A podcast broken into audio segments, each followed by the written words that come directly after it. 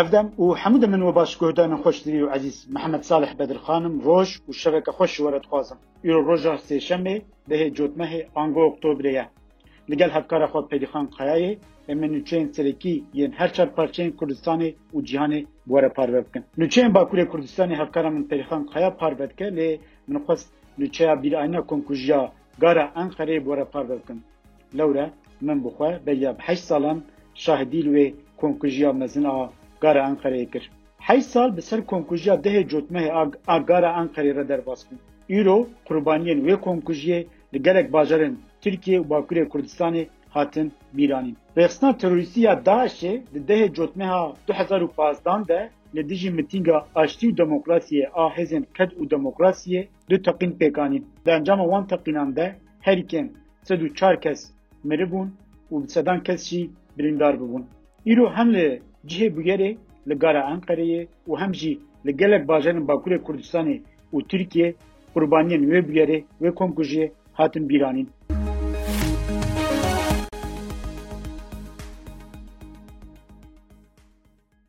Bultena Başûrê Kurdistanê.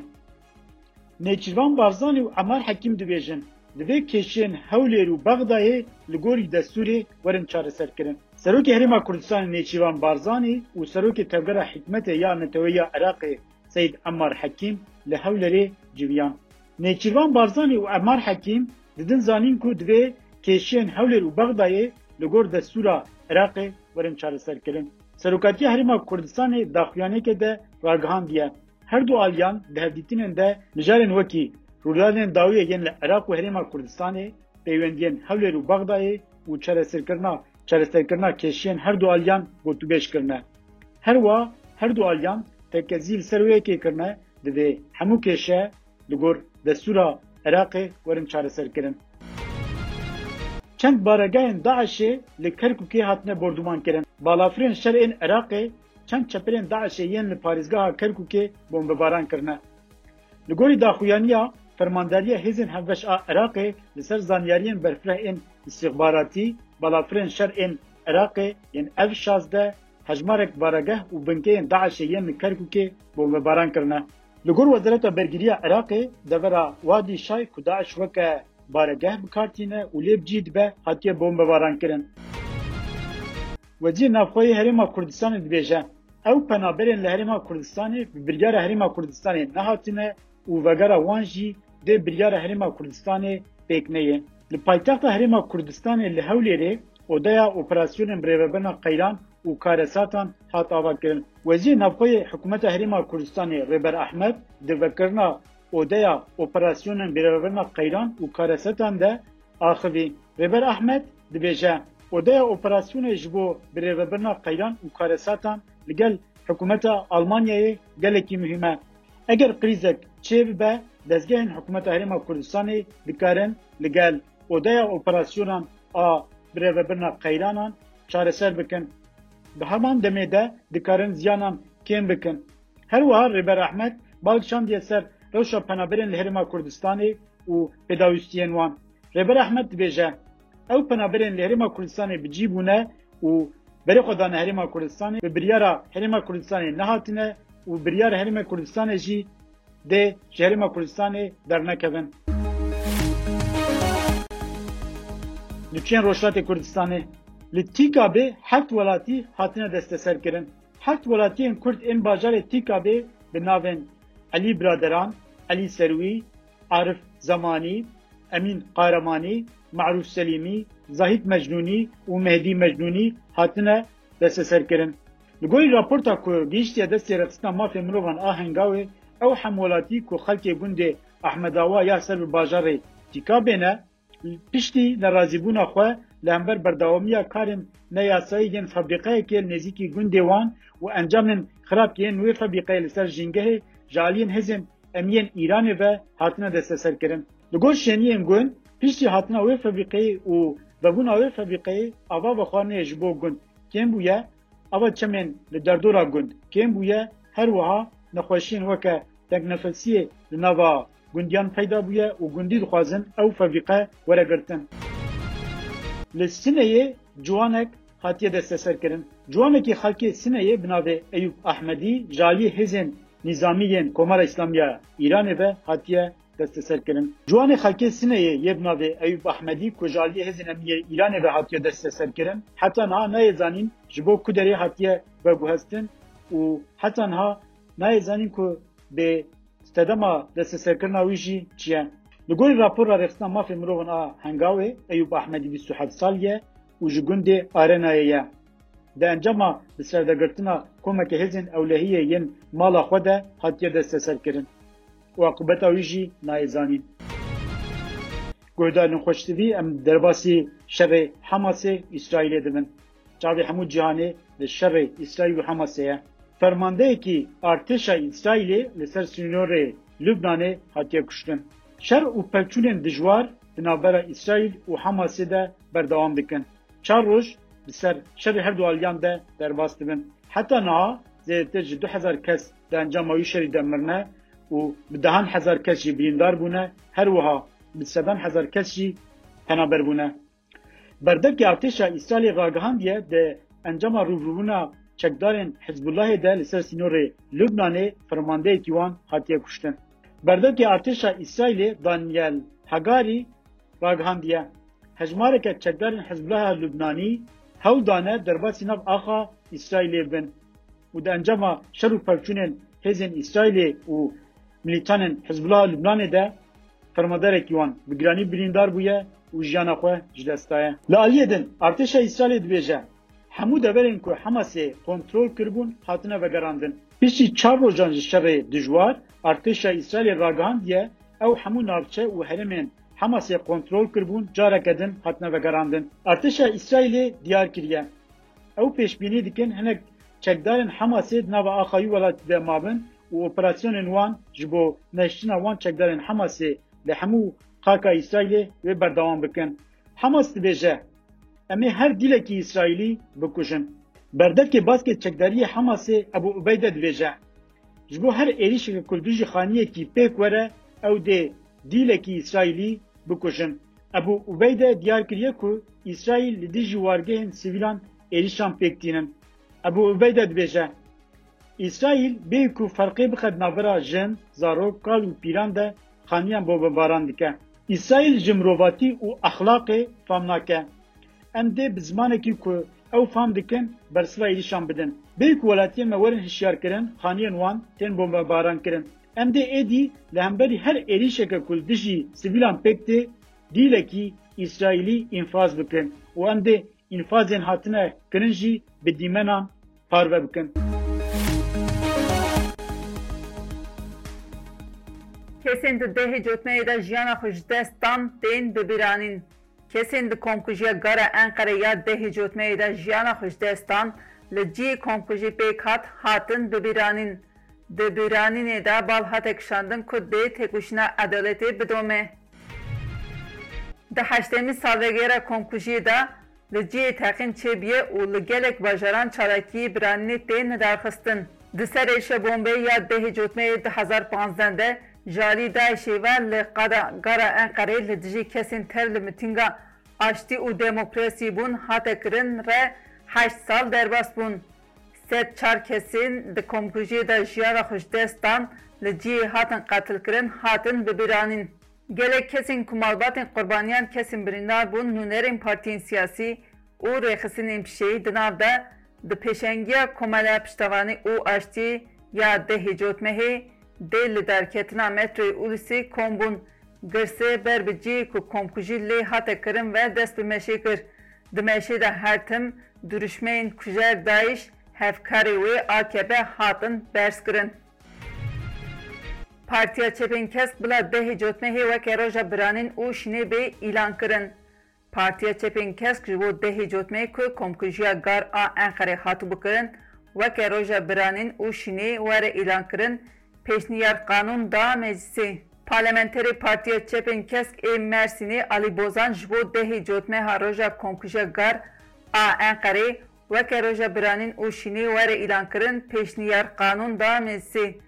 Di hinceta pêşniyar qanûnê de wiha hate gotin, Komkujiya Enqereyê li dijî kesên daxwaza aştî û xwişk biratiyê dikirin hate kirin. Ji bo ku ev komkujî neyê jibêrkirin û hevrûbûnek çêbibe bila sererastkirinên qanûn bê kirin. Îsîg di neh mehan de hezar û çar sed neh karkeran jiyana xwe ji dest dan. Îsîgê ragihand ku di neh mehên ewil ên sala du hezar bîst sîsiyan de hezar û çar sed neh karkeran Di cînayetên kar de jiyana xwe ji dest dan û ji wan karkeran çil çar jê zarok in. Meclisa Ewlekarîya Tendirustî û Kar a Karkeran Îsik rapora cînayetên kar ên neh mehên ewil ên sala du hezar bîst û sîyan parve kir. Li gorî raporê di nava neh mehan de hezar û çar sed neh karkeran di cînayetên kar de jiyana xwe ji dest dan. Di raporê de hat destnîşankirin ku karkerên herî zêde li Stenbolê jiyana xwe ji dest dane û hejmara wan jî weke disûd nehate ragihandin. Di raporê de hat diyarkirin ku ji karkeran jiyana xwe ji dest dane çil çar jê zarok in û heftê pênc jî penaber in. ISG da zanîn ku di meha Îlonê de sed pêncî yek karkeran di encama cinayetên kar de jiyana xwe ji dest dane. OHD li girtîgeyan Rihayê înfazê yanzdeh girtiyan bi awayekî keyfî hatin teroqkirin.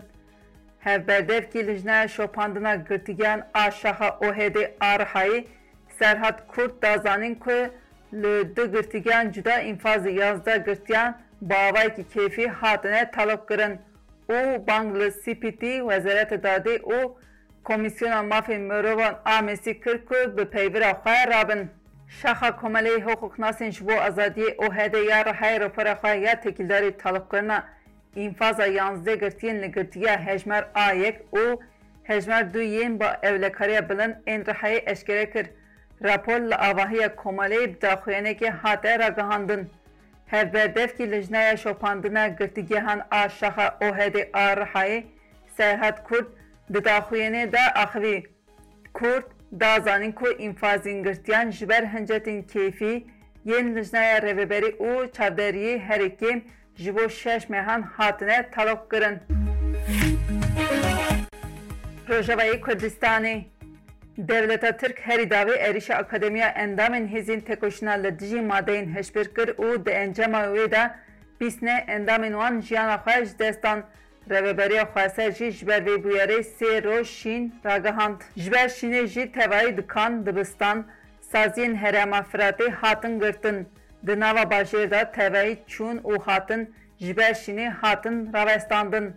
Her wiha dikan, dibistan û tevayî saziyên Reweberiya Xweser ji ber şînê hatin girtin.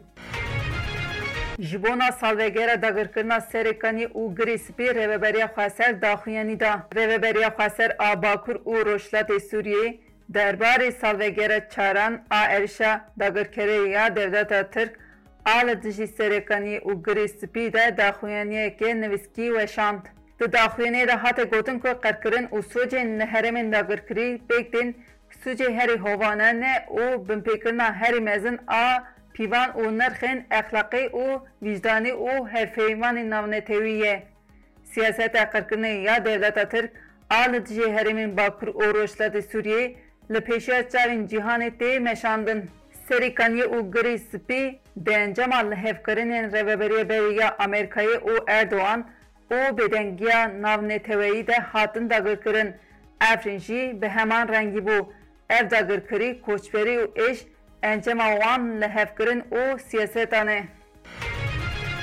Rêveberiya Xweser ji ber êrişa Tirkiyê sed milyon dolar zerar gihîştiye santralê Swêdiyê. Rêveberiya Xweser ragihand ku ji ber êrişa Tirkiyê sed milyon dolar zarar gihîştiye westgehên santral, sotemenî, gaz û elektrîkê yên li navçeya Swêdiyê ya Derika Hemkoyê. Rêveberiya Kargehê Gazê ya Swêdê endezyar Agit Abdulmecid eşkere kir ku ji ber êrişa Tirkiyeyê sed milyon dolar zerar gihîştiye wan û got, Ji ber êrişa Tirkiyeyê li Kargeha Gazê ya Swêdiyê pazdeh hezar galonên gaza malan kêm bûne. Berpirsê Ofîsa Enerjiyê ya Rêveberiya Xweser Ziyad Ristem jî ragihand ku Tirkiyeyê êrişa Kargeha Gazê ya Swêdiyê kiriye. Ziyad Ristem ji ber wan êrişan hemû santralên berheyemanîna elektrîkî yên li Cizîra Rojavayê Kurdistanê xera bûne û êdî naxebitin. Li Kobanê êrişên Tirkiyê hatin şermezarkirin. Bi sedan xelkê kantona Kobanê li ser banga yekitîn girêdayî saziyên civaka sivîl a kantonê meşek lidarxist û êrişên dewleta Tirk ên li dijî herêmê şermezarkirin.